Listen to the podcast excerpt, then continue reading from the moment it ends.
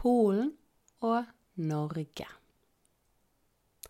Norge har et nært politisk, militært, økonomisk og kulturelt samarbeid med Polen.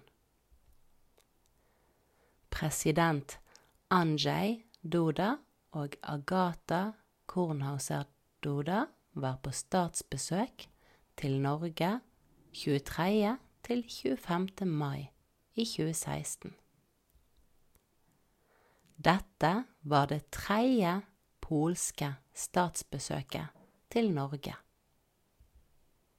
Det første statsbesøket var av president Lech Wałęsa og Danuta Wałęsa i oktober 1995.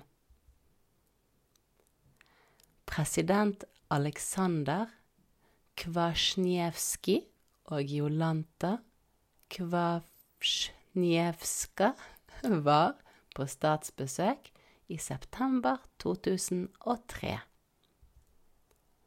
Som et resultat av at Polen er en del av EØS, har landet siden 2004 mottatt EØS-midler. Polen er den største mottaker av disse midlene. 20. desember 2017 undertegnet Polen og Norge omfattende samarbeidsavtaler om EØS-midler for perioden 2014 til 2021. Som i 2014 og 2015 var Polen i 2016 det viktigste eksportmarkedet for norsk sjømat.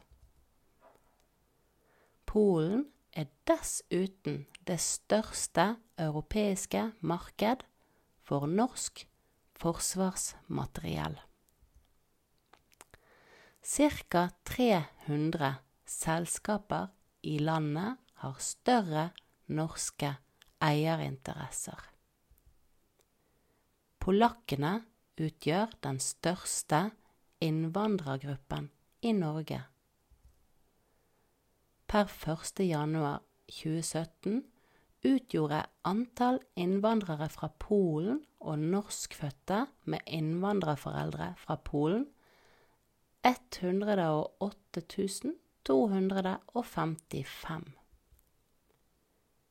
Innvandringen fra Polen har økt sterkt siden 2004, da Polen ble medlem av EU og en del av EØS.